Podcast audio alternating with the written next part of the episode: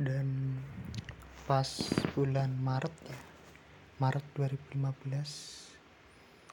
itu aku ikut eh bukan kita itu uh, kemah. Nah kemah kan namanya uh, orang yang pramuka biasa sama Dewan Galang itu dipisahin. Jadi kegiatannya berbeda kayak yang Dewan Galang tuh yang ngarang-ngarang terus lebih tegas uh, dikasih materinya lebih banyak gitu kan.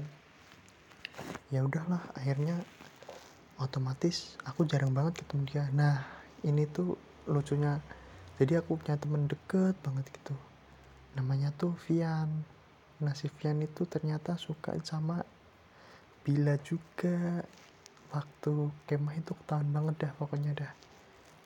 Terus ya mereka berdua tuh deket juga gitu tapi